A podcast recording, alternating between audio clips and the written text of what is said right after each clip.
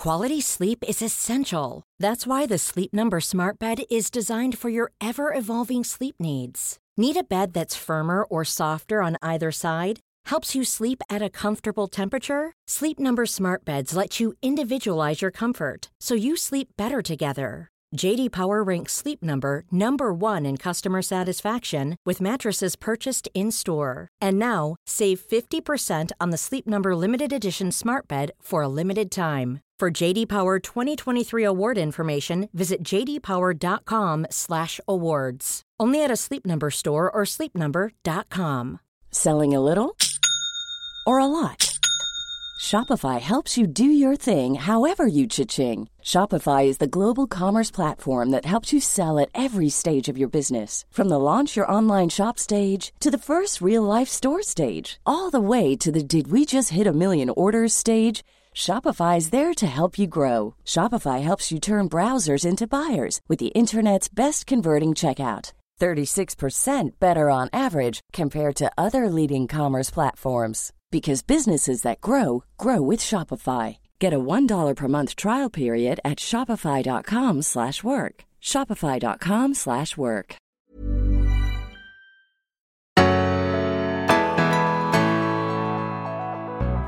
Hej och varmt välkommen till Berätta alltid det här. Jag heter Frida Boysen. Och jag heter Tilda Boysen. Ett liv värt att leva, varför självmord blev människans följeslagare. Ja, det är titeln på en aktuell bok som är skriven av dagens gäst. Han är psykiater och professor i psykiatri vid Karolinska institutet och vi säger varmt välkommen till Christian Ryck.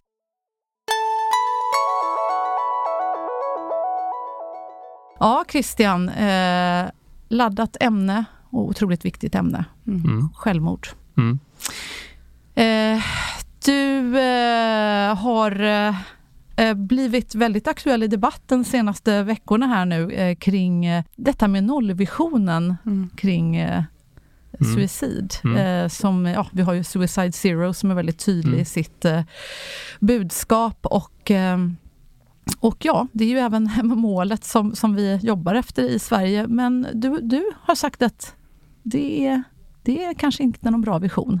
Nej, Vad menar du? Det låter, det låter ju, om man inte har hört om det här, låter det ju superkonstigt. Det kan jag verkligen förstå. Mm. Och eh, Det jag menar är att, eh, att sätta, ett, sätta upp ett mål om att vi ska kunna nå noll självmord i Sverige eh, kommer skapa en föreställning om att det är möjligt att nå noll självmord och att varje självmord är ett misstag, ett, ett, eh, någonting som kunde förhindrats och det är klart att varje självmord i någon mening vore bättre om det inte hade hänt.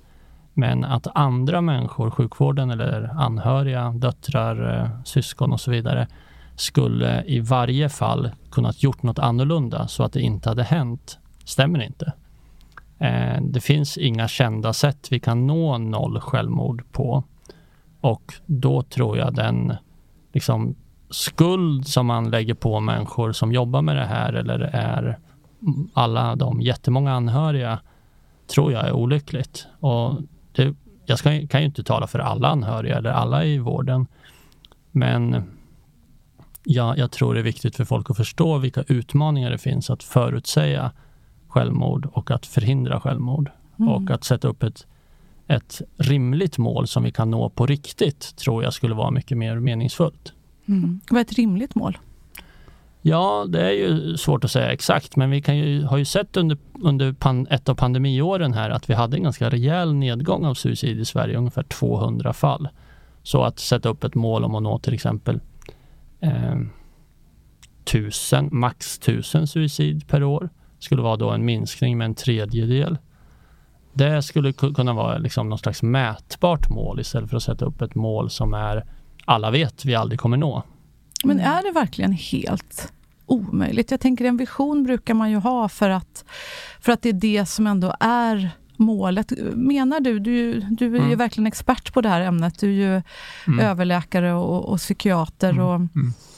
Eh, du vet ju förstås bättre än någon av oss här mm. kanske att, mm. att det går att göra mycket ändå. Ja, för vi, vi, vi, vi har ju, ju forskning, tänker jag, från eh, NASP och sådär ja, för just ja, Karolinska institutet. Vi har haft, eh, lyssnat på Hadlatsky som har sagt att ofta så handlar det ju om 15 minuter som är sådär mm. väldigt, väldigt mm. kritiska. Man mm. kan vara en suicidnära person som mår dåligt men, men ofta så är det sådär, får man hjälp i de där akuta 15 minuterna när man kanske funderar då på hoppa från en bro eller mm. göra vad det nu än är som, som är så livsavgörande då kan man förhindra att mm. det faktiskt blir ja, men, den här dödliga utgången. Av Gergő Hallatsky har helt rätt i det och jag skriver ju om det i mm. boken också en hel del och, och, jag brukar ofta ta upp en av de studierna som de har gjort, eller han har gjort med mm. sina medarbetare, eh, som ju visar det här fascinerande att om man sätter upp, ja, i boken skriver jag till exempel om en korsning som finns i Washington DC där det åt ena hållet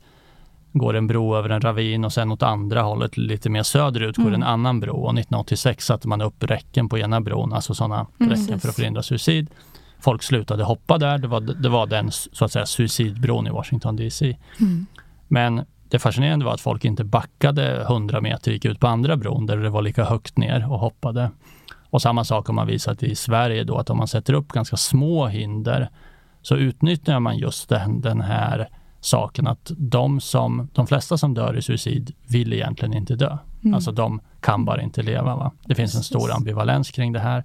Samma sak med medicinförpackningar. Istället för att ha hundra farliga mm. tabletter i en burk som du kan svepa i dig så sätter man dem i såna här blisterkartor som mm. man måste Gör det pressa ut dem ja. en och en. Och under den tiden det tar det att trycka ut hundra tabletter hinner du ångra dig. Så att jag, jag, jag, tror det är en, en, en missuppfattning då att framställa det, eller om det låter som att jag skulle vara emot färre suicid. Men vi har aldrig världs, i människans historia haft inte suicid. Det har funnits i alla mänskliga kulturer. Vad vi än har gjort så har det inte försvunnit. Det finns inget som talar för att även om vi lyckas skapa ett utopiskt paradisiskt samhälle där alla har liksom otroliga resurser och så vidare, att det inte skulle ske. För att det finns så otroligt många vägar till den här hemska händelsen. Så mm. att det mm. finns inget sådär jättetydligt sätt att få bort det. Och, men, och vi ser ju också så ganska lustiga regionala skillnader. Va? I Sverige som är ett ganska välutvecklat land, vi har mycket mer vård än många andra länder. Så finns det fattigare länder där livet är liksom betydligt mer utsatt för individen mm. som har mindre suicid. Och vi ser också inom Sverige regionala skillnader. Jag tänker att det finns liksom ofta svårigheter att förklara varför minskar suicid i vissa länder och ökar i andra länder. Mm. Eh, men skillnaden tycker jag ändå är hoppfulla. Det måste ju betyda att någonting går att göra. Va? Och du har ju precis tagit upp mm. några av de här typiska exemplen med broräcken, eh, mm. som, man, som handlar om att minska tillgången till suicidala metoder. Men därifrån att dra slutsatsen att vi kan nå noll, det, jag, jag, jag tror inte att det är hjälpsamt att leva i den liksom, fantasivärlden att det är möjligt. Eh, mm. jag, jag tror mer på att man behöver se det här problemet för vad det är för att kunna möta människor och hjälpa människor som är eh, väldigt sårbara. Liksom. Mm. Alltså vad man på psykologispråk skulle kalla radikal acceptans. Inte acceptans som i, vi ger upp och tänker att nu måste det vara så här, utan radikal acceptans som att se det för, precis för vad det är istället för att leva i en fantasivärld av föreställningar som är orimliga. Mm. Jag tänker du mamma, du har ju lite, ja, din mamma tog ju livet av sig. Mm. Eh, så du har ju lite närmare ingång till det här än vad jag har. Just mm. om närstående, hur det känns och skuld. Vad, vad tänker du? Eh, ja, eh, ja, jo, för jag vet, jag, precis som du säger, du säger att risken är ju med nollvision att det, att det också skapar en större skuld hos eh, eh, oss anhöriga och eh, kanske också vårdpersonal. Och jag har tänkt på det där eh, och det kanske är så. Eh, men, ehm, men jag tror i och för sig inte att just nollvisionen är någonting som har gett mig skuld. Däremot eh, jag tror att jag hade haft det oavsett mm. eh, någon vision. Utan ja. jag, jag har ju burit skuld för att jag inte gjorde mer för min mamma. Att jag inte förstod hur dåligt hon mådde. Att mm. en enda gången hon flaggade och sa Mm. Om jag är så hemskt, då kanske jag ska ta livet av mig. Mm. Då, eh, då, då erbjuder men då säger man herregud, då ringer vi 112, jag kommer ner, mm. vi, vi, måste åka till någon psykolog. Något, men, nej, mm. nej, jag vägrar, mm. det kommer aldrig, det är så roligt, kommer aldrig få det. Och så vidare. Och då sa men då får du aldrig mer säga så. Och liksom, mm. mm. den, eh, hela det, det samtalet har ju spelats mm. upp miljoner gånger i mitt huvud och jag har ju ångrat ihjäl mig över att jag inte stod på mig. Över att jag till och med belade henne med liksom tystnad. Den enda gången hon uppenbarligen sa vad som var hände i hennes huvud. Och annars aldrig. Mm. Eh, men, och, och men, men, ju, men, för mig ja. så tänker jag sådär, en nollvision, att, eh, att vi istället skulle ha visionen, ja men tusen suicid per år, det är rimligt. Det, det, det snarast alltså, jag ska vara helt, helt ärligt, eh, ja. Men det, men, det snarare ta, eh, mm. faktiskt provocerar mig lite om jag ska vara helt ärlig. För jag känner sådär att varje suicid är så fruktansvärt. Alltså mm. det är mm. sån otroligt, vet ju du, behöver inte jag berätta för dig, mm. men jag menar, mm. du vet ju också vilket lidande det ja. är. Och varför skulle det vara acceptabelt att, att, att liksom ändå då skulle, att du säger att det är mer rimligt? Är det det? Mm. Men om vi tar, eh, bara, bara för att förklara hur jag menar, så ja. tänker jag att eh, eh, för, jag, jag, tror heller inte att, att människor i Sverige i allmänhet uppfattar nollvisionen som ett problem. Att det är det som uppfattas som ett problem för människor som har förlorat någon i suicid. Mm. Utan det handlar om de föreställningar som hela det tänket för med sig. Om man ska ta en parallell kan man säga det finns i Sverige, har vi haft en strävan efter ett narkotikafritt samhälle. Mm. Har det varit en bra idé? Nej, det har nog inte varit en bra idé. Varför det, inte det? För det är också helt omöjligt att nå dit. Så man vidtar, problemet blir när man vidtar en massa åtgärder som blir skadliga istället för hjälpsamma. Om du tar ur vårdpersonalens perspektiv. Om mm. jag arbetar som jourläkare eller akutläkare inom psykiatrin till exempel. Eh, då bör mitt mål vara att hjälpa personerna så gott jag kan utifrån liksom, deras behov. Mm. Mina behov ska ha en väldigt liten betydelse där. Mm. Men om det, om det är absolut så att säga förbjudet att någon ska suicidera, om det alltid är någons fel, riskerar det att leda till att jag vidtar vårdåtgärder som för patienten inte på lång sikt kommer vara bra. Det här har vi sett hemska exempel på i Sverige, hur unga kvinnor tvångsvårdas. Till sist har de skickats till rättspsyk och tvångsvårdats för man har hamnat i den här spiralen av att man försöker vidta åtgärd på åtgärd för att minimera risken för patienten. Men åtgärderna i sig blir skadliga för patienten. Mm. Alltså om jag lägger in alla som kommer till mig på sjukhus som har mm. självmordstankar så sover ju jag gott den natten så att säga. Det finns mm. noll, mm. nästan då noll risk att patienten suiciderar. Frid och fröjd för mig. Men den åtgärden är väldigt kraftfull att hamna på sjukhus och mm. uppleva saker. Man är inte hemma, man är, man är inte med sina mm.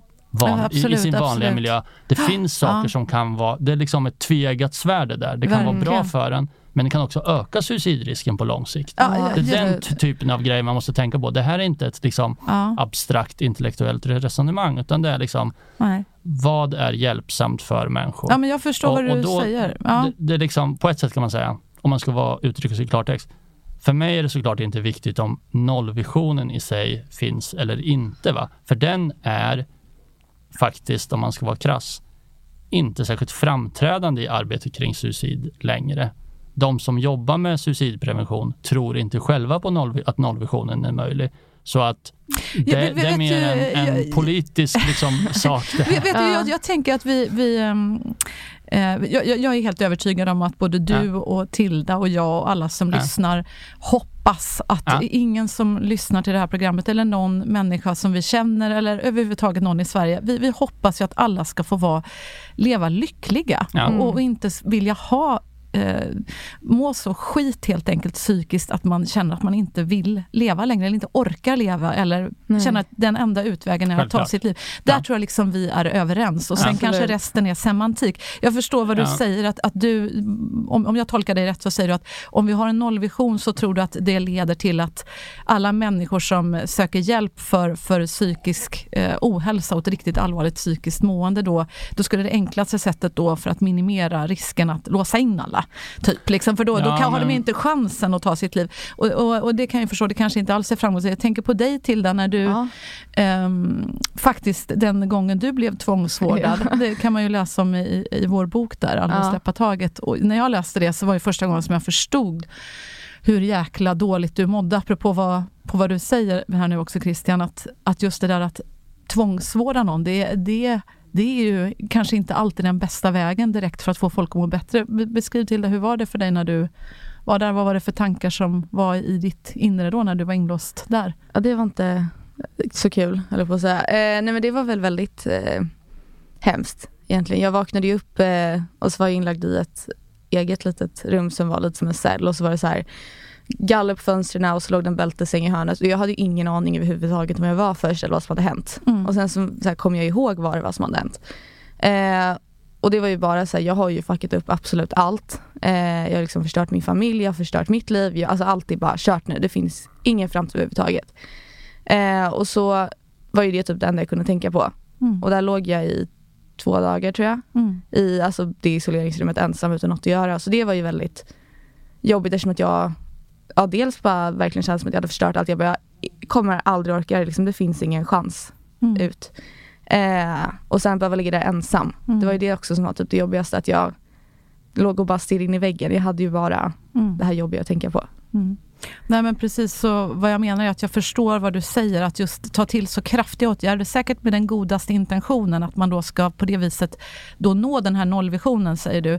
Men, men det kan ju vara väldigt hemskt Mm. och, och- farligt på ett sätt Mm. kanske ibland att man identifierar sig med att nu har jag ju förstört allt, nu är jag den här personen som Finns det något hopp för mig? Är det kört? Liksom? Mm. Eh, Så, så eh, det fattar jag men, men eh, jag kommer nog ändå fortsätta tycka annorlunda från Ja, dig. Och det är okej att man tycker olika. Jag tycker ändå det är men- fint med en nollvision. Och jag menar, jag menar med en nollvision att jag hoppas på en värld där vi där vi alla kanske blir bättre på att lära oss, få mer kunskap och ta hand om oss själva. Att, äh, jag, menar, jag tror det är helt naturligt att man, man, man mår skit ibland. Alla blir Mm. vi sjuka, ibland fysiskt, ibland, ibland mår man dåligt psykiskt. Vi går igenom hemska upplevelser, trauman. Eh, våra närstående som mår dåligt, vi, vi mår dåligt. Alla gör det. Mm. Hur kan vi hjälpa oss själva och hur kan vi som medmänniskor bli bättre och ta hand om varandra? Och när det riktigt spårar ur, hur kan vi få stöd av ett samhälle med experter som Mm. Mm. fantastiska professorer och läkare och allt vad det nu är som behövs. Men och, och, få- innan vi, och, och, liksom boken handlar ju rätt Mycket om annat. mycket Ja, om vi ska annat, komma till det också, men, givetvis. Men, Ja. men två, två, två saker bara innan vi Ja. lämnar den här Ja. frågan. Det, det ena skulle vara, tänker jag mig, att eh, jag tror att det är viktigt för anhöriga att förstå att eh, det är svårt. Mm. Och med det menar jag att anhöriga kommer alltid ransaka sig vad de borde gjort, Mm. vad de borde frågat, varför de inte ringde på torsdag kväll. Mm. I min bok skiljer jag ju min fasters självmord Mm. 1983 Det är så och ur mitt börjar. barnperspektiv och sen har jag intervjuat då hennes systrar och ja, andra syskon Mm. också 40 år senare och liksom hur, vilken skugga självmorden kastar liksom långt Mm. fram i tiden, hur folk funderar på det och, och på något sätt tror jag att folk måste förstå lite hur svårt det är att förutsäga suicid. Och också, och även om man förstår att det är en fara, hur svårt ibland det kan vara. Alltså vi har tagit de här exemplen med, ibland är det så att säga lätt att stoppa suicid, men det är också ibland svårt. eh, Exakt. att, att, Absolut. så. Och på något sätt tror jag människor måste få höra, det var inte ert fel. Mm. Ni kunde kanske, ni gjorde ert bästa. Det är klart ni kunde ringt på torsdagen också, men på totalen så har de flesta gjort sitt bästa.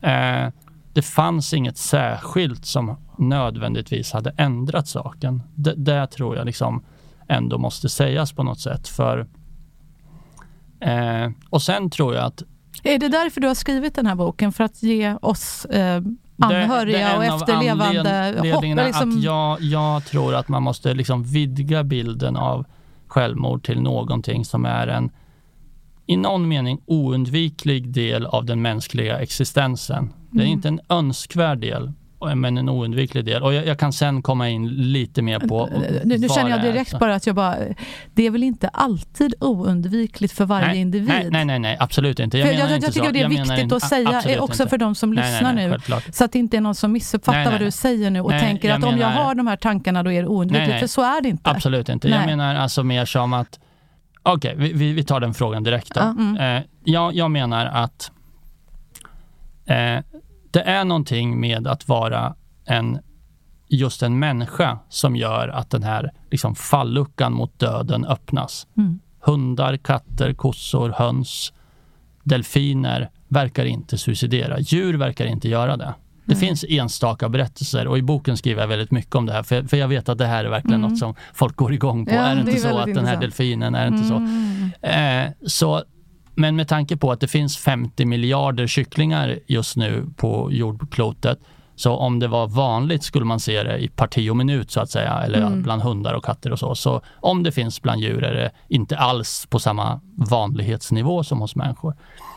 Det verkar det, det förekommer i stort sett inte alls före tio års ålder, så man måste ha en slags viss mognad av hjärnan innan det här kickar in så att säga, det här systemet. Eh, samtidigt så var sjätte dag tar eh, en ungdom som är under 18 eller upp till 18 år sitt liv. Ja. Och det är ju ändå inte heller fullt utvecklade nej, hjärnor. Nej.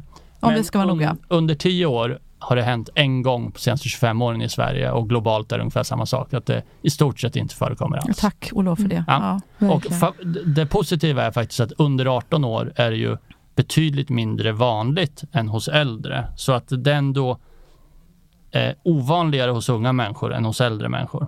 Och, och sen verkar det som att om man har en betydande liksom, eh, intellektuell funktionsnedsättning kan det också vara ett skydd mot suicid, även om, om liksom data är lite mer oklara där. Då. Så att, och då kan man undra, vad är det som gör att människor... För på ett sätt är det otroligt ologiskt att suicid finns. Alltså, mm.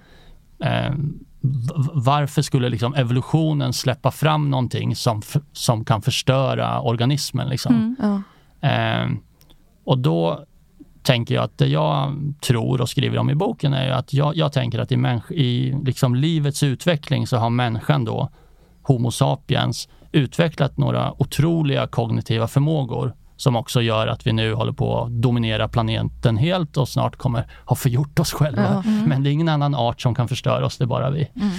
Och eh, det är saker som att vi har blivit självmedvetna. Vi kan tänka om oss själva. Jag kan gå hem efteråt och undra, borde jag svarat så här? Var det här blev det här mm. bra eller borde jag gjort si? Mm. Kommer min framtid bli si? Kommer den bli så? Eh, jag kan fundera över min egen dödlighet. Jag kan tänka att döden finns. Jag kan förstå att döden är permanent och så. Det kan inte en treåring göra och det kan inte en häst göra så att säga. Va? Så det är något unikt med oss människor. Och de egenskaperna i kombination har plötsligt då gjort att vi kan suicidera. Mm. Vi, vi, vi, kan tänka så avancerat så att suicid öppnas som en möjlighet. Så är det. Så att liksom på så sätt ha, är är liksom suicid en del av den mänskliga liksom, ja, saker som människor gör. Eh, det betyder inte alls att det är något som vissa människor är förutbestämda att göra eller som vi inte ska försöka stoppa. Eh, men det är någonting ändå som jag, jag tänker eh, kan ge någon slags liksom, vidare förståelse av suicid till alla människor. Mm. Mm. Du ser lite skeptisk ut. jo, jo nej, men jag förstår vad du säger. att Det, det är klart att vi, vi har ju en uh, intelligens uh, och en förmåga att uh, analysera och så vidare som, som ju kan bli farlig också för oss själva. Så är ja. det ju. Absolut. Men, men frågan är ju vad, vad, ska vi göra åt det då, menar du? På, på liksom, ja, det att... finns ju det finns ju jättemånga saker vi kan göra åt det. och boken heter ju Ett liv värt att mm. leva och den, det handlar ju om för jag, jag, jag tänker mig att suicid representerar ju den slags yttersta meningslösheten. Så mm.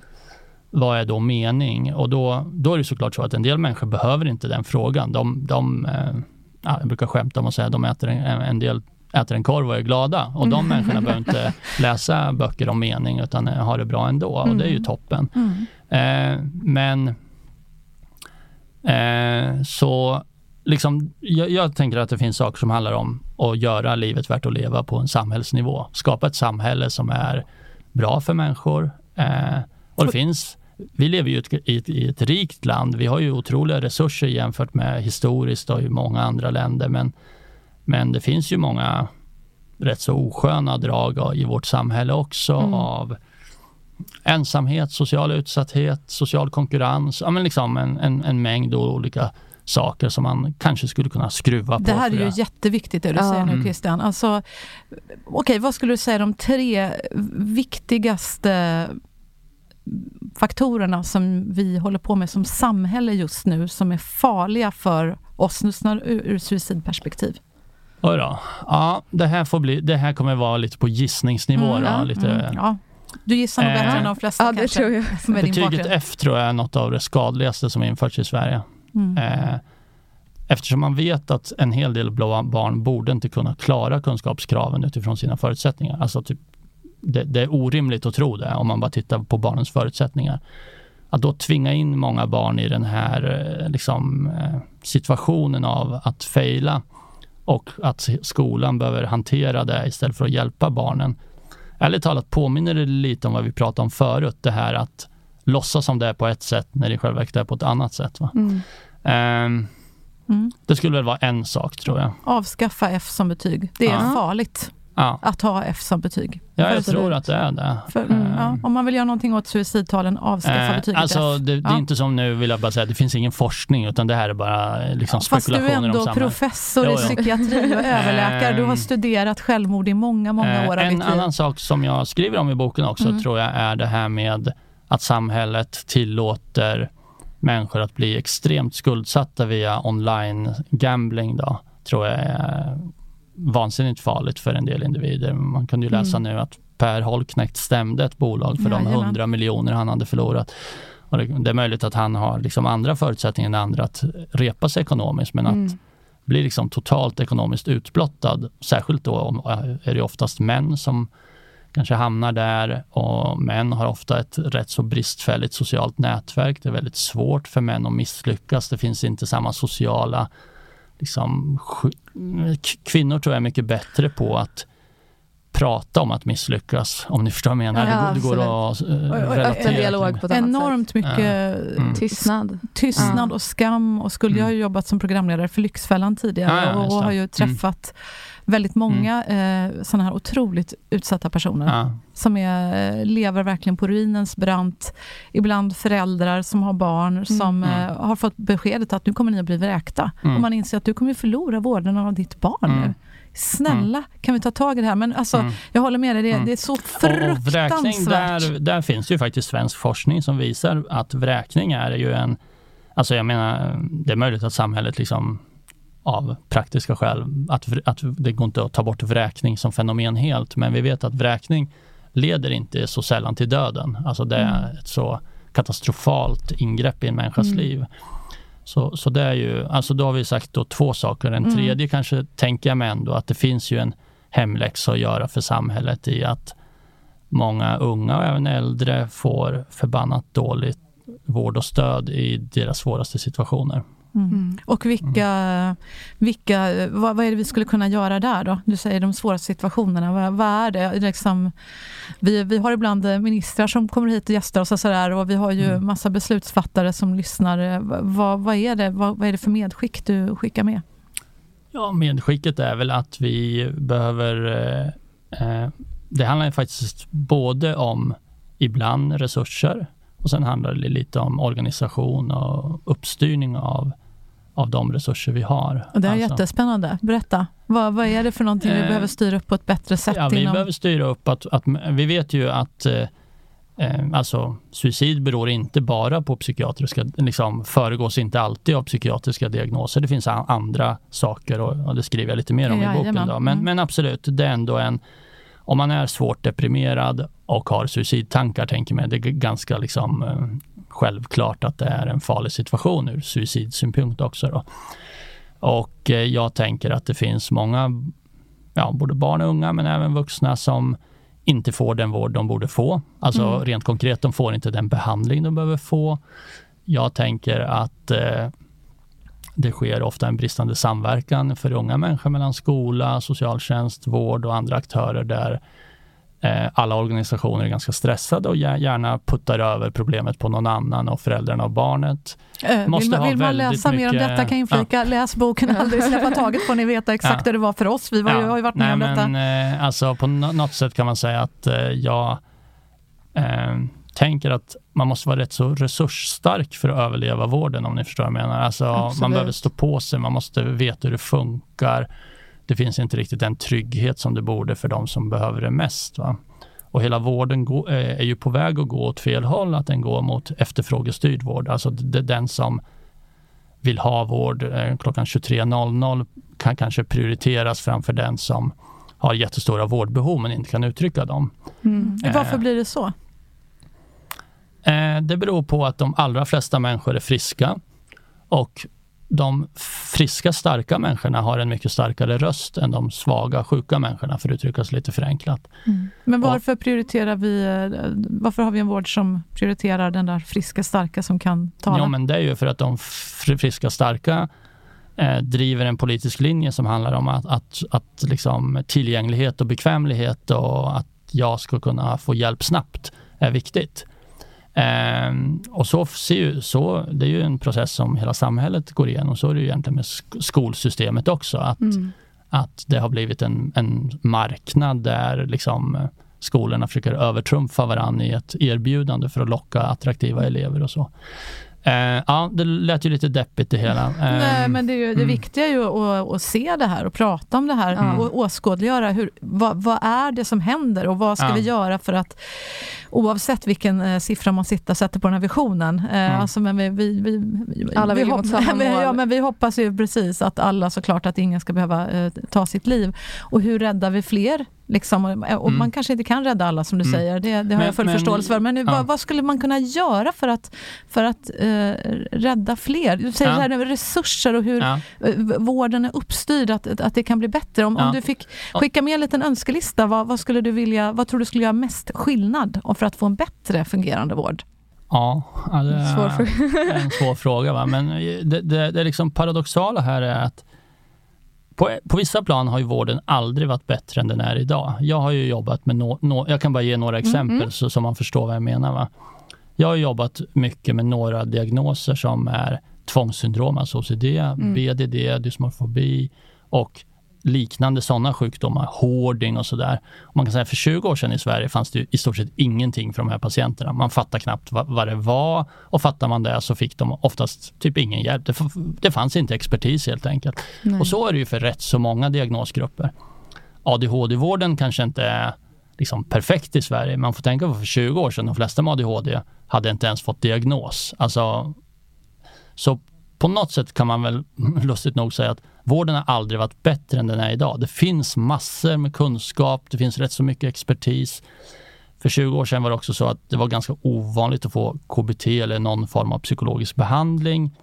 Den har blivit betydligt mer tillgänglig. Så det har gjorts liksom stora framsteg. Men det som fattas, tänker mig, är att om patienten får diagnos X kan man inte lita på att få behandling X också. Om du jämför mm. det med hjärtinfarkt i Sverige så är det faktiskt så att i hela Sverige, om jag skulle få en hjärtinfarkt här, så redan i ambulansen skulle man ta till EKG, man skulle se då förändringar på EKG, man skulle rulla för, mig förbi akuten upp på ett rum där man kör in en, mm. liksom en en, en kabel höll jag på att säga. Ja, en, en, en ballongsprängning om det behövs. Precis, ja. Man skulle försöka sätta en sån här stent ja. i mina knackar. Det skulle ske i hela Sverige. Jag kan ja. lita på att det kommer funka. Va? Det är liksom en utbyggd mm. vård. Det är såklart så att hjärtinfarkt är mycket mindre vanligt än de här psykiatriska tillstånden. Men, men jag tror det är det som vi, vi behöver sträva åt och vi har liksom blivit bättre på det. Men har man liksom ett har man, har man den här tillståndet, då ska jag kunna lita på att jag får det som vården själva säger att vi borde ge. Och varför mm. är det inte så då? Um, ganska svag styrning och organisation i sjukvården. Det är liksom en slags eh, svårstyrd verksamhet. Eh, pratar vi specifikt om eh, psykiatrin? Nej, jag tror egentligen rätt stora delar av sjukvården. Jag, jag har ju mm. träffat väldigt många inom både vården och psykiatrin, du också Tilda. Mm. och eh, du känner ju också till de här eh, siffrorna. Jag vet jag, jag har pratat med, med andra överläkare inom mm. psykiatrin mm. och sådär. Och, och, det kan ibland vara svårt för mig som vanlig lekman. Och jag, jag, jag, dömer ingen här, men, men jag har svårt att förstå ibland när man tittar på de här siffrorna på hur många patienter en, mm. en psykiater träffar per dag i snitt och sådär. Hur, hur, många, hur många patienter träffar en psykiater i snitt i, i Sverige per dag på, på typ BUP ja, exempelvis? Men man, ja, jo, de där skräcksiffrorna har man ibland, men man kan säga att det som oftast är alltså vi, vi kravet är fem om dagen kan man säga. Men, men mm. jag har i alla fall pratat mm. med många psykiater som säger att för, för oss är siffran två, tre. Mm. Mm. Två, tre. Och det är liksom inga... Eh, mm. This is it. Så mm. är det. Och jag, bara, jag förstår inte, jag är inte psykiater själv, så berätta mm. för mig. Mm. Men det låter så lite. Vad gör du mm. resten av tiden? Mm. Alltså jag fattar att sitta och prata med en patient kanske tar en timme och sen kanske man måste skriva någon rapport eller whatever, vad nu heter, liksom i journaler och se till att liksom mediciner skrivs ut och sånt. Men sen borde det ju finnas mer tid. Och då, ja. då får jag höra om att ja, en del går åt till läkarkonferenser, där vi ibland är alltså 20 pers i rummet och det kanske är två, tre läkare som ens har, precis som du säger, det finns ju många mm, olika mm. specialiteter. Två, tre som kanske kan uttala sig. Vi andra mest bara, jag har ingen expertis egentligen inom just det här, så att det här är bättre att ni eh, debatterar mm. om. Ehm, och att också det finns så här schemalagd tid för remissvar. Att mm. man då ska svara eh, andra mm. läkare eh, ute i primärvården, alltså mm. vårdcentralen läkare, mm. som då, eh, ja, jag mm. eller någon annan har gått och sagt jag mår skit, jag, jag mm. har självmordstankar, jag behöver hjälp, jag mår så jävla dåligt. Och den här eh, ja. läkaren bedömer, du behöver Eh, en mm. expert. Eh, mm. Jag remitterar dig vidare mm. till en psykiater. Och då ska den psykiatern titta på det här utlåtandet från läkaren och säga Nej du, eh, jag tycker ändå inte det här låter så allvarligt. Jag tycker, ta lite snack med den här personen du istället och att liksom putta tillbaka den här mm. och liksom under, liksom förklara den här mm. Mm. remissen så att den liksom inte får komma in. Eh, vad säger du om det här systemet? Det här är ju liksom eh, vad jag har i alla fall fått ja, vittnesmål om från flera psykiater runt om i Sverige. Jag inte behöva försvara psykiatrin här lite grann. Men, eh, nej men jag förstår att det, det, är svårt för dig. Du sitter liksom på dubbla stolar här. Du är ju liksom professor. Jag mm, förstår att mm. du, det är svårt nej, att kritisera jag, psykiatrin, ja, men det bara det, låter det, konstigt. Det tycker jag är, är helt okej okay att göra så att säga. Jag gör ju det själv. Jag sa ju precis att vi behöver ändra på mycket. Men, mm. men eh, jag, jag tänker att det är liksom en det finns absolut liksom ineffektivitet i systemet på vissa ställen, men det finns också, tror jag, andra ställen där man har supermånga patienter. ADHD-mottagningar i Stockholm till exempel har ju liksom tusentals patienter och bara några fåtal läkare. Så att... Där rullar det på bra. Där, eh, ja... Eh, Eller? Sen ett annat, en annan svårighet i vården, särskilt i Stockholm, tänker jag, har ju blivit att eh, vården håller på att konkurrera ihjäl sig själv om, eh, om eh, arbetskraften, alltså om mm. läkare till exempel. Så om vi tar ADHD som exempel så är det ju så att det utreds ju massor med ADHD-patienter privat. Mm. Men de har ofta inget, inget vårderbjudande sen. Du kan liksom inte gå där sen om du inte betalar själv. Så då remitteras du in då till ADHD-mottagningar som, som är offentliga mottagningar helt enkelt, som har då tusentals patienter och en väldigt ansträngande arbetsmiljö för de som jobbar där eftersom de ja, har väldigt många patienter. Och, och jag, det här skrev jag lite om, om i min förra bok som mm. Diagnosfabrikerna kallar jag det här mm. problemet lite att det finns ett ställe som utreder privat eller också via offentliga uppdrag. De skickar in patienterna i ett system som inte har eh, tid liksom, eller resurser att hantera dem. Och de läkarna och andra där kommer sen säga upp sig och börja jobba på diagnosfabriken istället. Varför mm. det är, är frid och fröjd med arbetsmiljön och du tjänar mer och så. Så det, och det är liksom ett system som på andra sätt också är problematiskt. Det innebär ju att den som ställer diagnosen inte följer patienten sen och märker mm. om det egentligen var något annat eller Exakt. hur man borde göra. Så liksom den här fragmenteringen av vården tror jag eh, har också haft nackdelar. Och, Ja. Mm, jag måste, jag, jag, alltså, mitt intryck ja. på min klinik där jag jobbar då mm. i Flemingsberg söder om Stockholm, va, där, där är det inte mitt intryck att, att folk liksom rullar tummarna eller att det är superineffektivt. Det som är lite jobbigt i den offentliga sjukvården är ju att det går aldrig med plus. Va? Just nu går ju hela offentliga ekonomin i regionerna supermycket minus, mm. man måste spara igen. Alla vet liksom vi skulle behöva vi skulle behöva mer. Vi, skulle, mm. vi har mm. liksom också ibland bra idéer och skulle kunna utveckla vården. Vi skulle, jag, jag skulle vara intresserad av att förändra slutenvården, anställa psykologer, ja, men liksom göra om. Va? Mm. Men går man back liksom, ja. massor som det är just nu, då, då kommer liksom aldrig den där tiden där det finns, eh, där vi kan lägga in en växel till och göra mm. nya grejer. Liksom, utan det är väldigt så här, lite motvind hela tiden uppfattar jag det mm, som, som mm. gör att det är lite svårt att utveckla vården. Ja. Ja. Tilda. Jag tänkte, jag tänkte bara fråga, tror du att, för som det ser ut nu som du beskriver eh, och som de flesta tror jag som har sökt sig till psykiatrin känner igen sig att det är väldigt långa köer, det är svårt och det tar så lång tid. Tror du alltså att en privatisering av vården kommer bli vanligare eller att det kommer bli en annan gren på något sätt? För det är väldigt, speciellt om man tänker typ på BUP för barn. Det mm. tar ju liksom hur lång tid som helst och det är ju i många lägen blir man ju till slut hopplös. Dels som ja. förälder och som barn för det tar så lång tid, man måste kämpa. Även som vuxen, men tror du att det är någonting som kommer växa ännu mer med tanke på hur det ibland ser ut idag? Mm. Eller för många? Ja, alltså eh, det, Jag tror det som har hänt är ju att psykiatriska diagnoser och det, vård av dem har blivit väldigt vanligt. Mm. Eh, vi har i Stockholm och kanske i Sverige överlag, men framförallt tror jag i Stockholm, är det ändå väldigt många som får psykiatrisk vård. Mm. Eh, jämfört med andra länder, andra motsvarande städer och så, så är det liksom ovanligt många som får specialistpsykiatrisk vård. Eh, men med tanke på hur många som diagnostiseras med ADHD, till exempel unga människor i Stockholm, är, går det väl upp mot 15 procent hos killar åtminstone. Autism har ju också blivit en gått från att vara en, en, att en, en diagnos som ställts väldigt sällan till mm. att ställas på jättemånga unga människor. Eh, innebär det här plötsligt att, att det finns många patienter att, att, ta hand om och hjälpa på olika sätt? Och det har också tror jag gjort att psykiatriska problem har flyttat in i villakvarteren på ett annat sätt. Va? Det, det är många eh, liksom, diagnoserna finns nu mycket mer tydligt hos alla människor, vilket gör att det är klart att det finns människor som är beredda att betala själva för det. Eh, jag tror ju att, eh, att om man tänker sig, ska man privatisera, eh, är, borde regionen lägga ut det här på liksom ett privat företag som jobbar på effektivare, eller hur man, vad man ska tro. Mm.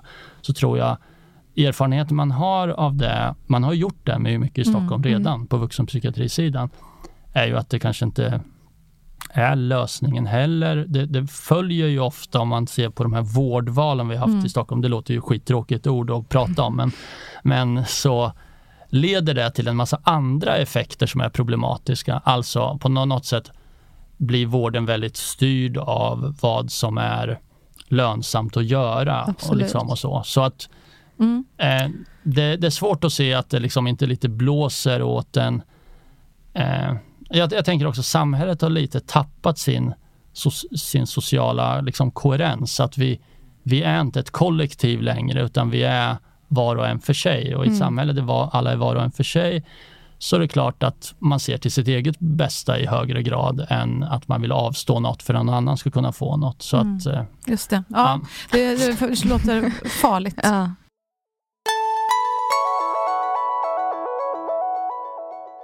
Jag tänkte på en annan sak som du eh, touchade vid nu som jag tycker är intressant. Du, du nämnde att, att vi såklart har goda idéer eh, inom psykiatrin ja. och det eh, betvivlar jag inte ett dugg. Och du sa att vi kanske exempelvis skulle vilja ha fler psykologer, sa du.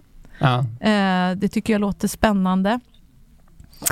Eh, hur ser det ut idag, upplever du, när det är en eh, person som söker hjälp för att man mår, mår dåligt och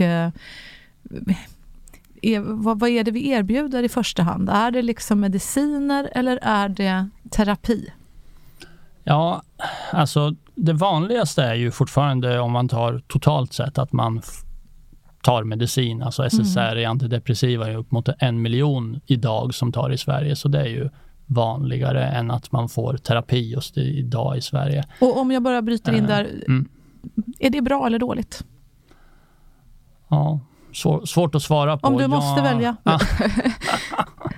det, ja, jag, jag tänker, bland de här miljonen som tar det finns det, och nu gissar jag, några hundratusen som, som tar det fast inte har särskilt bra effekt eller ingen effekt av det, men som är oroliga att sluta med det eh, och som eh, inte har någon fast läkarkontakt som gör att det är rätt så Läkaren vet heller inte, för de har inte mm. träffat patienten mm. förut. Man hamnar i en sån här lite svår situation. Så det finns absolut en grupp där de eh, kanske antingen fick det av rätt skäl, men de har ingen bra effekt av det och därför borde sluta. Eller så fick de det eh, till exempel för att det verkade som de hade depression, men de egentligen hade ett annat problem. Hur stor del tror du det är av den här? Det är ju mer än en miljon till och med. Vi hade en annan eh, bokaktuell gäst här i podden som, eh, som precis berättade om ja, om hur, hur, hans erfarenheter av, av antidepressiva och så här, och, och, han lyfte också fram eh, det som du också pekar på, att ibland får man ju de här eh, medicinerna ofta för att må bättre. Mm. Det är snabbt. Eh, mm. Det är billigare än terapi om vi ska vara ärliga. Mm. Det kanske också därför samhället väljer det i en högre utsträckning. Kanske. Det går snabbt och det är enkelt. Patienterna verkar också välja det konstigt Ja, kanske. Ja. Alla vill mm. ha en quick mm. fix på något vis mm. på problemet. Men risken däremot, som du också eh, pekar på här, hur går det, har man en kontinuerlig läkarkontakt? Nej, inte alltid. Mm. Och om man eh, inledningsvis, när vi började med de här medicinerna, så var väl ändå tanken att man skulle ha dem en, en kortare period, kanske tre fem månader, så här, tills man liksom mm. kom över den här värsta depressionen eller vad det nu är för eh, liksom, hemskhet man går igenom. Men men i själva verket så är det ju otroligt många människor som äter de här medicinerna sen i resten av sitt liv och kanske sällan att man också erbjuds en, ehm, en fråga. Liksom, ska vi trappa ner? Och hur man gör det på ett vettigt vis. Vad, vad säger du om, om den berättelsen? Ja, men alltså jag jag håller med. Det är ju viktigt för egentligen alla typer av mediciner att har man ingen effekt eller är man så att säga klar med dem måste man ju, eller måste inte sätta ut dem, men är det ju rimligt att sätta ut dem. Ja, är vi bra på det då i eh, Sverige? Ja, jag vet inte om vi i Sverige är sämre än någon annan, men du har ju rätt i att det är ju många som står kvar på dem som av lite oklara skäl. Så men, men, upp, uppenbarligen ja. är, vi inte, är vi inte helt bra på det. Nej, men jag tänker så att det där är ju egentligen, jag tänker herregud, det är ju så många människor precis som du säger, det är ju mer än ja. en miljon svenskar. Mm. Eh, liksom, eh, herregud. Men, men jag, jag, tror det är viktigt att man liksom eh, som, vi, vi tar upp väldigt många olika känsliga frågor här idag va? och jag tänker det här är också en sån fråga där det är viktigt att de som tar det här inte känner att de att det är något fel på att ta dem mm. eller att de ska känna sig dumma eller skyldiga att de tar dem och, och de borde sluta. För det är klart att har man noll biverkningar av dem så finns det ju som jag ser inga direkt så moraliska skäl att man måste sluta utan det handlar ju om ja, är det positivt för en eller inte? Är det positivt? Ja, fine. Det är inget eh, jätte, som vi känner till, jättefarligt att fortsätta ta dem länge om, om man vill det. Men det är ju det här om det inte är så, då, då, då borde man kanske göra något annat istället. Mm. Mm. mm. Ja. Och, och, och, terapitillgången har ju mm. ändå blivit ja, Det är ju en fråga som jag själv har jobbat med länge nu. Va? Vi, jag var ju med och startade något som heter internetpsykiatrin då, till Just exempel, det. som är mm. den liksom, offentliga eh, lite sådär, den har kanske inte lika så här fräsch design som privata alternativ och så. Den ser, i loggan är fortfarande en Windows 95-mus och så, men... men eh, det som man brukar kalla men, liksom IKBT, så internetbaserad exakt, kognitiv som, beteendeterapi. Som det finns massor med svensk forskning på. Det har ju mm. varit liksom ett paradnummer i Sverige. Det finns ju hur många studier som helst som visar häpnadsväckande bra effekter och där kan man ju få det för depression, för OCD, mm. för BDD, för alla möjliga olika problem, hälsoångest till exempel. Och, eh, och det här funkar lika bra som äh, gammal vanlig traditionell eh, ja, gå till psykologen terapi? det är inte alltid man har jämfört dem liksom side by side men, men effekterna är jämförbara och ibland har man jämfört och är typ lika bra. Va? Så, och med tanke på hur tillgängligt det är, mm. att då spelar det liksom ingen roll om du bor där eller där. Du slipper det här lotteriet av mm. att det finns en expert på hälsoångest eller på BDD som ju inte alltid finns. Va? Så att eh, man kan säga att det har ändå gjorts en del i, i Sverige för att, att skapa ett bättre utbud. Sen, men skulle inte det här kunna bli ännu mycket bättre? Det är ju, alltså, det är ju helt otroligt, det jo, som du säger all, nu. Alla vuxna i Sverige kan ju tillgå det. Men, men mm. varför gör vi inte det då, höll jag på att säga. Vi har ju de här jätte, mm. jätte eh, långa köerna i, mm, i, ja. i, många fall och skulle vi kunna utöka nu handlar det mycket om eh, eh KBT, men skulle vi kunna göra mer av det här på något vis? Ja, alltså, för det, det, känns som o, o, oändligt onyttjade att, eh, möjligheter många människor, det är ju inte så att internetpsykiatrin som en liksom, del av psykiatri sydväst i Flemingsberg har liksom haft en reklamkampanj, Kry-style så att säga, över hela Sverige. Och, så det är ju många människor som inte känner till att det här finns. Eller Mindler som sponsrar vår podd. Ja, det var bra för det. Ja. ja, de gör ju också ett, ett jättejobb och hjälper många, ja. men de får ju inte uh, hjälpa heller uh, unga uh, under 18. Det, det, det, det, kan jag tycka, liksom, hur kommer det sig att, att man inte får erbjuda internetbaserad kognitiv beteendeterapi till till eh, mm. tonåringar? Mm. Vet du det? Nej. Finns det något stöd i forskningen för det? Nej då, det finns ju mycket forskning på det också och det erbjuds inom BUP i Stockholm fast på lite mer, eh, man måste vara inne i BUP först och mm. lite mer begränsat. Mm. Så då. Men nej då, det finns inget som talar för att barn inte skulle kunna ta del av det. Men eh, ja. Eh, eh, sen, sen tror jag kanske också att eh, många människor har en ganska platt bild av vad KBT är. En del, jag tror när man i det moderna snacket nu så verkar det finnas någon slags drift mot att man vill återupptäcka psykoanalys eller psykedelika eller något som är lite härligare och inte mer intressant än KBT som kanske framstår lite som nya moderaterna liksom, i hipphet. Liksom. Eh, och eh, jag tror folk lite grann underskattar hur liksom avancerat KBT kan vara. Det är liksom inte bara gå nära en spindel om du är rädd för en spindel. Absolut, för spindlar är det kanske ungefär det man gör, men, men det finns väldigt mycket mer som görs och vi har en väldigt liksom, eh, duktig psykologkår i Sverige skulle jag säga, va? som är mm. väldigt välutbildade. Så eh, ja, jag tror kanske en del underskattar så här, ah, men, eh, jag behöver mer än KBT får man höra eller jag behöver något mer liksom, komplext eller avancerat. Men för de flesta behöver du faktiskt inget mer komplext. Men, men är inte den stora utmaningen, jag håller med dig i vad du säger, men, men att resurserna inte finns där, de dras ner och då är det ofta psykologer som, som ryker. Det är dyrt, kostar ofta mycket för, för, för regioner så och så vidare ju, jämfört med de här eh, mm. medicinerna som ändå går mycket snabbare och ja, men, enklare. Men jag, jag tänker inte att det framförallt är en konkurrens mellan medicin och psykologi så, utan att eh, det gäller för folk att hitta, liksom, att erbjudandet finns där och det har ändå men om du föreställer en vårdcentral på 20 år sedan hade ju inga psykologer. Nu måste de ha, det ingår mm. i deras vårdutbud och så. Så att man har ändå gjort rätt stora framsteg. Och ja, jag tror det som varit lite överraskande också är att många människor vill faktiskt när det kommer till kritan ta medicin. Mm. Ja, jag tänker mm. bara att det, det, är mycket man vill som människa, men det är ju ändå eh, upp till er, tänker jag väl också, som ja, ja. Är, är, läkare och ja. bör ha en kompetens att avgöra. om, vi, vi hamrar in det jag, jag kan säga, i Christian, så många gånger mm. som jag har velat ha penicillin till mig själv och mina barn exempelvis, när, när de eller jag har 39-40 graders feber och haft i flera veckor och ändå inte får. Mm. Eh, men då är det ju en läkare som säger, jag är hemskt ledsen, men vi kan inte skriva ut någon penicillin. jag bara säger, men snälla, snälla, mitt barn blir ju aldrig frisk, kan du hjälpa mig? Mm. Eller, du har ju mm. medicinen. Mm. Så det är ju, jo, det är inte upp till mig att avgöra, det är ju absolut. ni som är läkare ja, ja. som ska skriva ut det. Ja, mm. men och du har såklart helt rätt i att för en läkare går det ju oftast, är det ju rent praktiskt enklare att skicka iväg ett eh, SSRI-recept än att styr, liksom, fixa en, en psykologisk eh, behandlingstid. Va? Mm. Det, det tar färre sekunder. Mm, ja. Så det är klart att det finns en sån, en sån liksom, eh, vridning åt det hållet. Då. Och sen mm. så, så, det är säkert så, olika också, ja, och, jag med, och det är klart i en drömvärld så, så kanske man också ofta kombinerar och ja. sådär. Jag bara pekar mm. på, på mm. utmaningar och vi ska ju drömma ändå, även om ja. visionen ja. kanske i ditt fall i alla fall inte är mm. noll, men hur, hur vill vi ha ett ännu mm. bättre samhälle? Jag tänker du har ju så många insikter här så man vill ju mm. passa på och trycka dig på pulsen här lite. Men medicin är inget dåligt nödvändigtvis. Bara så nej, att inte, nej, men du bara äter ingen ju mediciner exempelvis. Ja, det, är väl, det gör väl alla i vår ja, precis. Ja, nej då, det, det, det är inget illa med det så att säga. Men, det är väl bara att man kombinerar det rätt.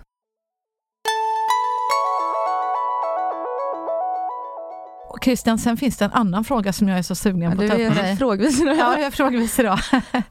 Nej, men jag vet att du skrev en annan bok för ett tag sedan där du eh, pratade om detta med utmattnings... Eh, syndrom helt enkelt. Ja, mm. Mm.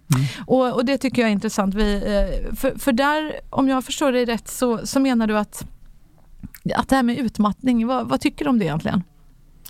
Ja. Jag inte orden i din mun, får du säga Nej, själv. precis. Du, eh, nu, nu, blir det många frågor här som ja, jag vet, är, men jag tycker är det är så... komplexa ja, och, och jo, där, där man, om man hör det på en sekund låter jag inte klok då kanske. Men, Nej, det tror jag men, inte. Men, äh, men det, utmattning och utmattningssyndrom är ju, är ju liksom såklart jätteviktig fråga och den är liksom intressant om man kan säga så utan mm. att det låter fel på, på flera olika sätt. Va?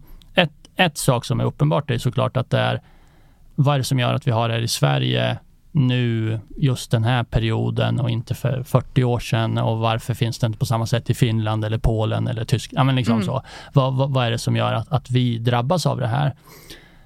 Um, det finns alltså ingen uppenbar allmän ökning av stress i samhället om man tittar på hur människor själva rapporterar stress. Alltså om Folkhälsoinstitutet gör en enkät varannat år där man frågar människor alla möjliga saker. Sover du bra? Har du tankar på att ta ditt liv? Etc. etc. Mm. Om man tittar där, det är inte så att utvecklingen av stress, alltså av utmattningssyndromdiagnosen som har ökat då massivt sedan den infördes 2015 att den hänger ihop med att alla i Sverige har blivit stressade. Det skulle annars vara den mest liksom, intuitiva förklaringen. Att stressrelaterade sjukdomar ökar helt enkelt för att alla blir mer stressade. Mm. Eh, så den frågan som jag och några andra, till exempel Elin Lindsäter som jag jobbar med, har jobbat med handlar ju om för människor som upplever då utmattning. Mm. Ibland kallar man det på engelska fatig. Mm. Eh, vad vad är liksom det bästa sättet att förstå den här utmattningen på och vad leder det till för åtgärder? Och då kan man säga att vår, vår slutsats är att det sättet man i Sverige har tagit sig an den här frågan på inte nödvändigtvis har varit bra för alla som har fått diagnosen. Och jag ska förklara varför. Då. Så det är inte så att jag eller de andra personerna som jag jobbar med tänker att utmattning inte finns. Det finns absolut. Det har beskrivits i 150 år eller mer i liksom vetenskaplig litteratur och så. Det finns vid flera olika typer av problem. Det finns vid psykiatriska problem som depression. Det finns till exempel ME-CFS, alltså kronisk trötthet. Eh, Post-covid pratas, eh, har ju liksom uppstått en eh, men det finns också vid liksom stroke, MS, ka efter cancerbehandling och så att man kan få väldigt svåra trötthetstillstånd. Alltså inte vanlig trötthet där om man sover på helgen så är man pigg igen, utan en annan typ av svårare trötthet. Eh, och eh, liksom kritiken av utmattningssyndromdiagnosen handlar om att man har skapat en diagnos med specifika kriterier i Sverige utan att man egentligen vet om de kriterierna stämmer. Det finns inget direkt forskningsstöd för att den borde vara utformad på det här sättet. Sen har diagnosen börjat användas väldigt mycket. Eh, så mycket så att den nu är den vanligaste sjukskrivningsorsaken i Sverige. Den är vanligare än all cancersjukskrivning kombinerat. Så det har blivit en mycket stor, liksom, vanligt förekommande sak. Och det är såklart inte patienternas fel. Alltså det, det är ingen, det är inte, de behöver inte känna någon att de har gjort något fel eller något liknande.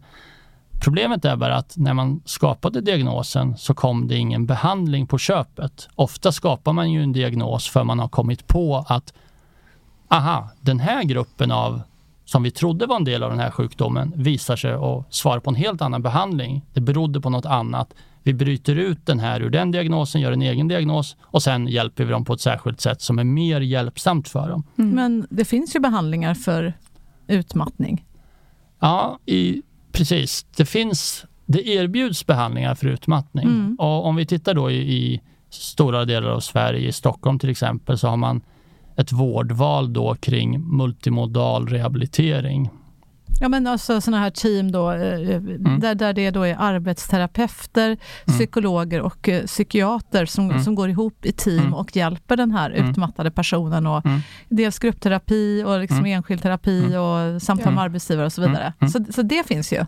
Det finns, men det saknas i stort sett helt belägg för om det funkar eller inte. Mm-hmm. Om du jämför det med till exempel depression. Mm. Även om vi har diskuterat här att antidepressiva ibland kanske mm. används på ett felaktigt sätt, så finns det en enorm kunskap kring depression eller andra vanliga psykiatriska tillstånd och vad man borde göra sen. För mm. det är mm. det som är det viktiga för patienten. Det är ju inte att få en diagnos i sig, är ju inte grejen, utan att det ska hända något efteråt. Mm. Problemet är att för eh, just utmattningssyndrom mm. så saknas det i stort sett belägg för någon behandling. Man, det finns visst stöd för KBT, mm. men det är också rätt så liksom, begränsat stöd för det. Mm. Eh, så när patienten får den här diagnosen hamnar man i en vårdsfär där det är rätt så oklart vad man ska göra, vilket mm. ökar risken för individen.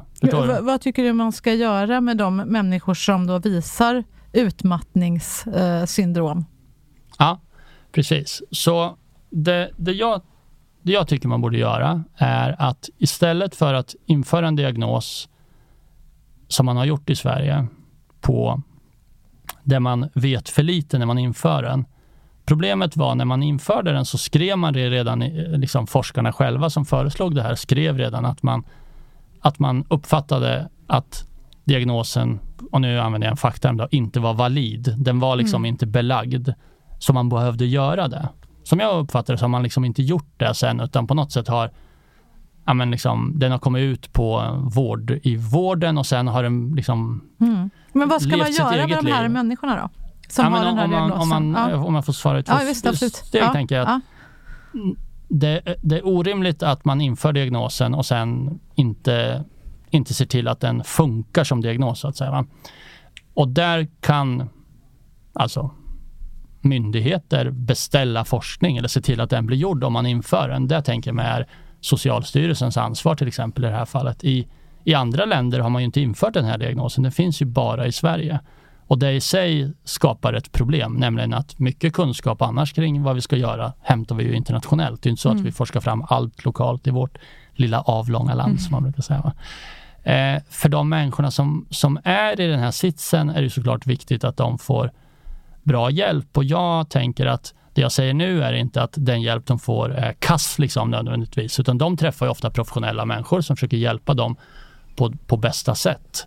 Men eh, jag, jag tror också man måste vara uppmärksam på att bakom utmattning kan det också dölja sig andra problem. Det kan vara så att man har en, och nu tar jag bara några exempel, jag mm. säger inte att det gäller för någon särskild individ. Va? Det kanske är så att man har egentligen en o, odiagnostiserad obehandlad ADHD som gör att man blir utmattad, att man behöver liksom också se, finns det alternativa förklaringar som med behandling skulle vara en hjälpsammare väg framåt. Eh, I min forskargrupp så jobbar vi också med att försöka se på utmattningssyndrom. För liksom problemet blir att man hamnar i liksom diskussioner om diagnoser, om de stämmer eller inte, som ofta blir ganska jobbiga för patienterna. Mm. Alltså, ME, CFS, kronisk trötthet, det är en sån ifrågasatt diagnos i vården. En del så att säga tro på den, men många är ganska skeptiska. Post-covid har också hamnat där att patienter lätt känns väldigt ifrågasatta och tycker att vården inte lyssnar eller avfärdar dem för lätt och så vidare. Och, och, och jag tror utmattningssyndrom är också en sån internationellt åtminstone diagnos som inte är etablerad. Så och medan istället... i Sverige då, som du säger, är den vanligaste eh, ja. diagnosen om man tittar på längre sjukskrivningar ja. Ja. tillsammans med stressrelaterade andra och, och då, sjukdomar. Då tänker jag mig att ett annat sätt att se på det här skulle vara att okej, okay, vi, vi, vi, vi kanske, den här frågan kanske är ganska svår att liksom bevisa om en diagnos borde vara en diagnos eller om de besvären egentligen passar bättre i depression eller en annan diagnos. Att man då istället eh, ser på svår trötthet, alltså fatig och behandla fatig oavsett om man sätter en diagnos eller inte. Mm. Och, och, då, då jobbar till exempel ja, den här Elin Lindsäter som jag nämnt några gånger, hon jobbar med en sån KBT-behandling som, som liksom ändå verkar ha rätt så bra effekt. Så vi behöver såklart ta fram bra behandlingar men det finns, tänker jag, stora frågetecken kring, kring liksom också hur man har pratat om utmattning i Sverige. Mm. Jag, jag, som jag beskriver i den här förra boken mm. så är det mm. också så att det här narrativet om att eh, stress alltid är farligt, Eh, du får någon slags stroke-liknande hjärnskador av stress som har sagts många gånger. En del saker som man säger om stress när man pratar om utmattning är helt enkelt inte riktigt, stämmer inte riktigt. Och ja, jag tror det föder rädsla hos människor som får, som har de här besvären, som leder till liksom beteenden eller att man agerar på ett sätt som inte är bra för ens egen psykiska hälsa. Mm -hmm. Ja, det är en, mm. det är en komplex många fråga. Böcker att läsa ja, många böcker att läsa. Du, du, du, räds inte de här svåra ämnena får man ju säga. Eh, som sagt, eh, både nollvision inom suicid, är den rimlig eller inte? utmattning, är det, menar du då ens en... Tycker du att det är en fungerande diagnos då?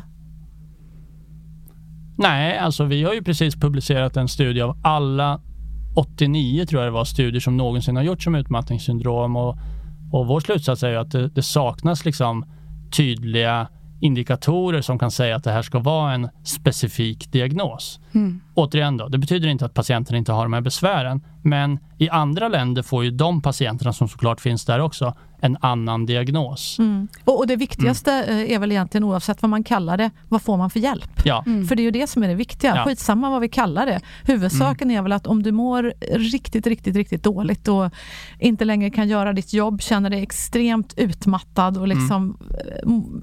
det går inte längre att utföra ditt arbete för att du är helt eh, slut. Hjärnan mm. funkar inte. Du kan inte längre skriva eller tala som du är van att göra eller analysera komplexa problem om du har det som arbetsuppgift eller vad det nu är. Vad ska man göra då? Du som har kollat igenom alla, alla studier, överläkare och allt vad du är, professor. Ja. Vad, vad, vad, är, vad är your best guess? Vad, vad, ska vi göra då? Om vi säger att vi kanske till och med skrotar då utmattningsdiagnosen. Det är väl, låter lite som att du är inne åt det hållet. Vad, vad tror du skulle vara mest hjälpsamt för alla de som drabbas i Sverige idag av dessa symptom?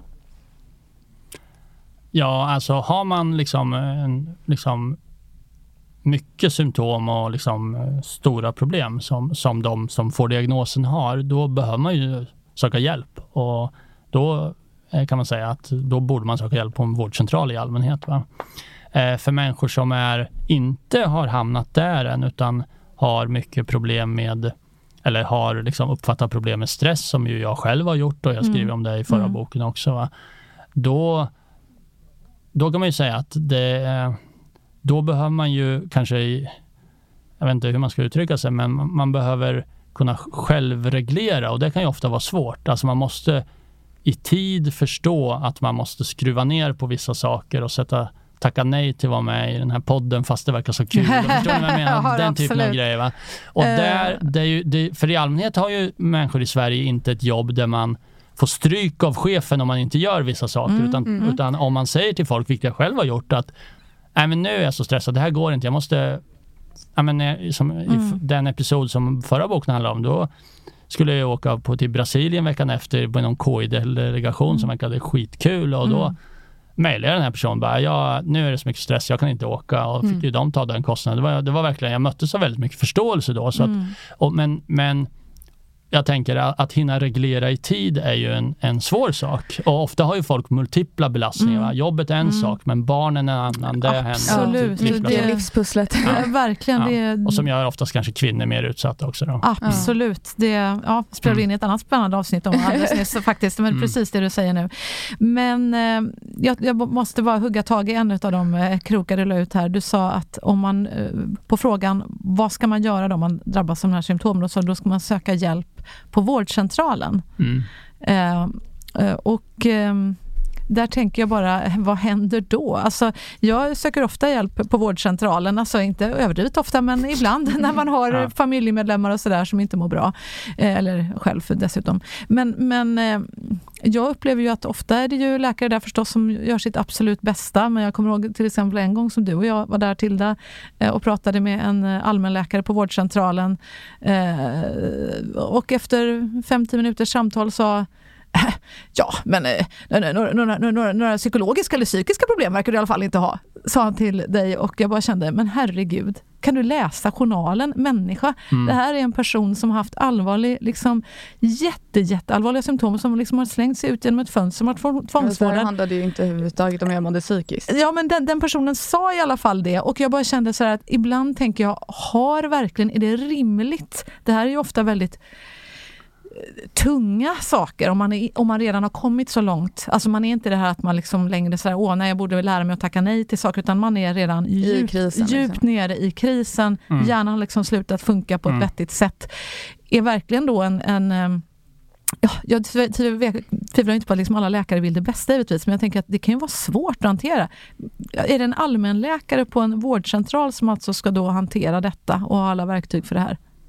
Ja, du anar inte hur mycket allmänläkare Eh, ska kunna hantera. Men, nej, men jag tänker att eh, eh, på vårdcentralen finns ju andra professioner också. Alltså om vi tar eh, Gustavsbergs vårdcentral till liksom, Stockholm som brukar ta som ett paradexempel. De har ju liksom korridorer fulla med psykologer som, som hjälper folk just med eh, och de har ju, där jobbar den här e-, Elin Lindsäter vars namn har nämnts många gånger nu. Hon, Ja, Elin verkar vara en kanontjej. Vi får ja, bjuda hit henne någon gång. Nej, men där är de ju, tänker de ju att de faktiskt ser till att du väldigt snabbt får komma och träffa någon som inte är allmänläkaren. Alltså när du söker för stress, ja. kanske inte det viktigaste är har jag utmattningssyndrom eller inte och vi ska utreda dig i tre månader, utan mer boom, vad kan jag göra nu Exakt. innan det blir värre? Så, så, och sen är ju såklart vårdcentral lite olika, men i allmänhet tror jag nog liksom, företagshälsovård eller vårdcentral är rätt nivå. Psykiatrin är i allmänhet inte rätt nivå. Mm. Och det beror också på att psykiatrin har rätt så lite erfarenhet med det här. Det är ganska få sådana patienter mm. som går i psykiatrin. Så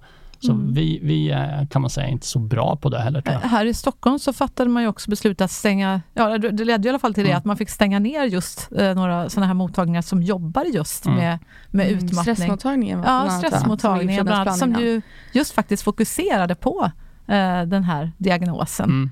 Bra eller dåligt tycker du? Uh, ja, uh, jag, jag tänker att vårdvalet, eh, om vi ska gå in på den väldigt specifika frågan, var väldigt märkligt från början. För man upphandlade, alltså då, eller upp, jag tror inte den korrekta termen är upphandling, men i vårdvalet så ingick det att man skulle bedriva multimodal rehabilitering just. Och problemet är att just den vårdformen finns det inget direkt vetenskapligt stöd för att den skulle vara bra. Så på så sätt hade man lite så här låst in mottagningen i en arbetsmodell som var konstig. Eh, och eh, så att det vårdvalet behövde liksom förändras eller stängas ner tänker jag var rätt så uppenbart. Eh, mm. Mm. Men det är ja. viktigt då att patienterna inte hamnar på bar backe så att säga, va? utan att det finns att man bygger upp resurser på andra håll åt dem istället. Ja, um, vi får väl se om det är så. Det kanske ja. åsikterna går isär. Vi, vi har mm. pratat med människor som, som fick vård där och som tyckte att det var helt fantastiskt ja. och som nu blev just helt strödda för vinden istället. Att det, det blev sådär, nej, det, alla kanske inte har sån tur som har den här fantastiska vårdcentralen i Gustavsberg där det nej, vimlar av psykologer alltså, i varenda hörn. Att, eh, det är ju inte som att jag är för dålig vård nej, eller att folk inte, inte ska få vård utan det var mer sådär att det där vårdvalet tror jag inte var mm. långsiktigt hållbart. Nej, jag förstår. Eh, det, Eh, ja. ja. det viktiga men, som du säger att man får någon annanstans sen. Så att man inte slängs ut. Det är väl det som är mm, huvudsaken. Mm, men jag vet ju också, äh, alltså jag, det är ju jättemånga människor som hör av sig till mig på sociala ja. medier och alla, på alla möjliga sätt som berättar om sina erfarenheter. Och jag svarar ju på frågor i DN till exempel också. Va? Det är Just ju väldigt det. ofta förtvivlade anhöriga mm. hör av sig. Mm. Det, är inte som att jag tror att de har fel, utan det är klart att det finns många sådana erfarenheter. Så jag ja, ja. jag vet inte vad, vad jag ska säga. Liksom, mer att, att det är klart att det finns många hål i, i skyddsnätet. Så är det. Men, men, det är svårt. viktigt att, att sådana som du eh, krigar vidare och kämpar för, mm. för en bättre vård och, och vågar skriva om så här känsliga ämnen tycker jag. Ja, alltså det, det är ju det enda sättet som vi kommer framåt mm. genom att, att våga prata om det och också att folkbilda om det tycker jag. Ja. Är initiativ som är lovvärt. Ett liv värt att leva som sagt heter din nya bok. Um, innan vi stänger butiken för idag, vill du skicka med några uh, ord till, um, dels tänker jag till de som är anhöriga och också förstås de som kanske just nu inte mår bra. Men om vi ska börja med de anhöriga. Hur kan man stötta en person bäst skulle du säga om, om man är väldigt orolig för en, en närstående som inte mår bra? Har du några ord? Om man själv är anhörig? Till ja. Den? Ja, alltså... Eh, jag, jag tänker att, eh, att eh, prata, det är mm. väl vad er podd går ut på på något sätt mm. också. Att prata med personen och eh, inte låta, låta människor liksom dra, dra sig undan och försvinna bort. Eh, är ju en sak och om man kan stötta med att eh, ja, men det här att, att kriga för sina möjligheter att få mm. vård eller liksom sådana saker så kan ju det också vara bra. Mm. En, en följdfråga till det. Hur kan eh, människor som står runt de anhöriga stötta de anhöriga? Det är kanske mm. någonting vi glömmer att ja. prata om, tänker jag ofta. Ja. För det, det, är en så utsatt situation mm. faktiskt att vara mm. anhörig i Sverige idag. Som du har mm. beskrivit. Mm. Långa köer och det är tufft. Där sitter man kanske som förälder eller partner eller vad det nu och ringer och ringer och vädjar och, och håller på. Det också lätt att hamna i psykisk ohälsa själv. Mm, för, att, mm. för att det är, Absolut, är, är en kamp att, eh, ibland. Och det tänker jag är en ganska vanligt fenomen, till exempel mm. hos de som drabbas av svår stress och utmattning. Att de mm. också har ett, till exempel ett barn med eh, Precis. stora svårigheter och inte liksom, finns så mycket stöd runt det. Nej, men det här med att stötta anhöriga blir ju extra viktigt om vi pratar om suicid. Va? Att, mm. Eh, för anhöriga till de som suiciderar, och det finns många sådana i Sverige. Alltså det finns många familjer som är drabbade av det här. Det är, inget, det är inte så ovanligt. Eh, blir det ju ofta efter initial, liksom, eh, att folk kanske hör av sig eller liksom uttrycker sin, sin medkänsla. Blir det ofta tyst får man höra. Det blir mm. liksom det är läskigt för folk att höra av sig. De på något sätt eh, Rädda. enklare mm. att stanna borta. Va? Så jag tänker mig att, liksom, jag skriver det i boken, mm. att, liksom, att självmordets mod, modersmål är skam mm. och fadersmålet är tystnaden. Liksom, att det är något där man kanske som liksom, anhörig till en anhörig eller vän till en anhörig behöver eh, ta sig igenom den känslan av att man får lite, att det inte känns att det känns jobbigt att höra av sig och behöva liksom ta emot den här fruktansvärda sorgen och eh, det, det, det, tror jag är viktigt att, att våga och jag vet att det är svårt. Det låter ju lätt för mig att säga mm. här men det är svårt och eh, ja, men liksom, min, min, bok börjar också med hur jag berättar hur jag som 11-åring hör om min mm. fasters självmord och, och det som jag tycker är fascinerar mig lite grann är att samma frågor som 11-åringen har och anhöriga har och vårdpersonalen har och forskarna har, de är rätt så lika de frågorna om självmord. Det handlar liksom om att försöka förstå varför hände det här mm. och vad kunde, mm. varför förstod jag inte mm. och hur kunde vi ha mm. gjort och så. Det, det, det, det, är också därför jag försöker liksom lite avlasta anhöriga och säga att man kan inte alltid förstå. Det är liksom inte ni som har gjort något fel. Det är inte därför det här har hänt. Liksom. Mm, precis. Mm. Men man kan prata om det och det är ju, är ofta ja. det som hjälper kanske allra mm. bäst. Att ja. få stötta. stötta och, mm. och inte vara rädd för frågor, precis som du säger, utan det är mm.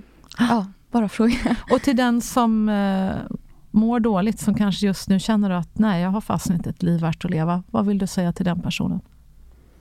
Mm. Alltså, det som är svårt är ju att man ofta, när man tänker så, eller liksom den, den som har hamnat i den typen av tankar slutar ofta se ljuset i tunneln. Liksom. Så att mycket av mina råd skulle jag tänka handlar om att bara orka vänta lite till. Mm. Det är väldigt sällan självmordstankar är kroniska och konstanta. Och de allra flesta vill inte dö Även de som har gjort väldigt allvarliga självmordsförsök. Jag intervjuar i boken mm. en som hoppar från Golden Gate-bron till exempel. Mm. De allra flesta vill inte dö sen. Så om man på något sätt kan hitta bara mm. sätt att leva vidare lite till. Mm. Mm. Jättefina ja. och kloka ord som verkligen räddar liv. Och är det så att du som lyssnar känner att du eh, mår väldigt dåligt och har tankar om att ta ditt liv, sök hjälp. Eh, vi har självmordslinjen som finns, eh, 90101. Eh, vi vill tacka dig, Christian Ryck, mm. för att du kom till Berätta alltid det här. Och eh, vi rekommenderar förstås alla att läsa Ett liv värt att leva. Vi behöver alla prata ännu mer om den här viktiga frågan, hur vi kan göra för att rädda fler liv. Och ehm, Tack Christian för att mm, du tack berättar. Tack för att du fick vara med. Tack så mycket. Och tack till dig som har lyssnat.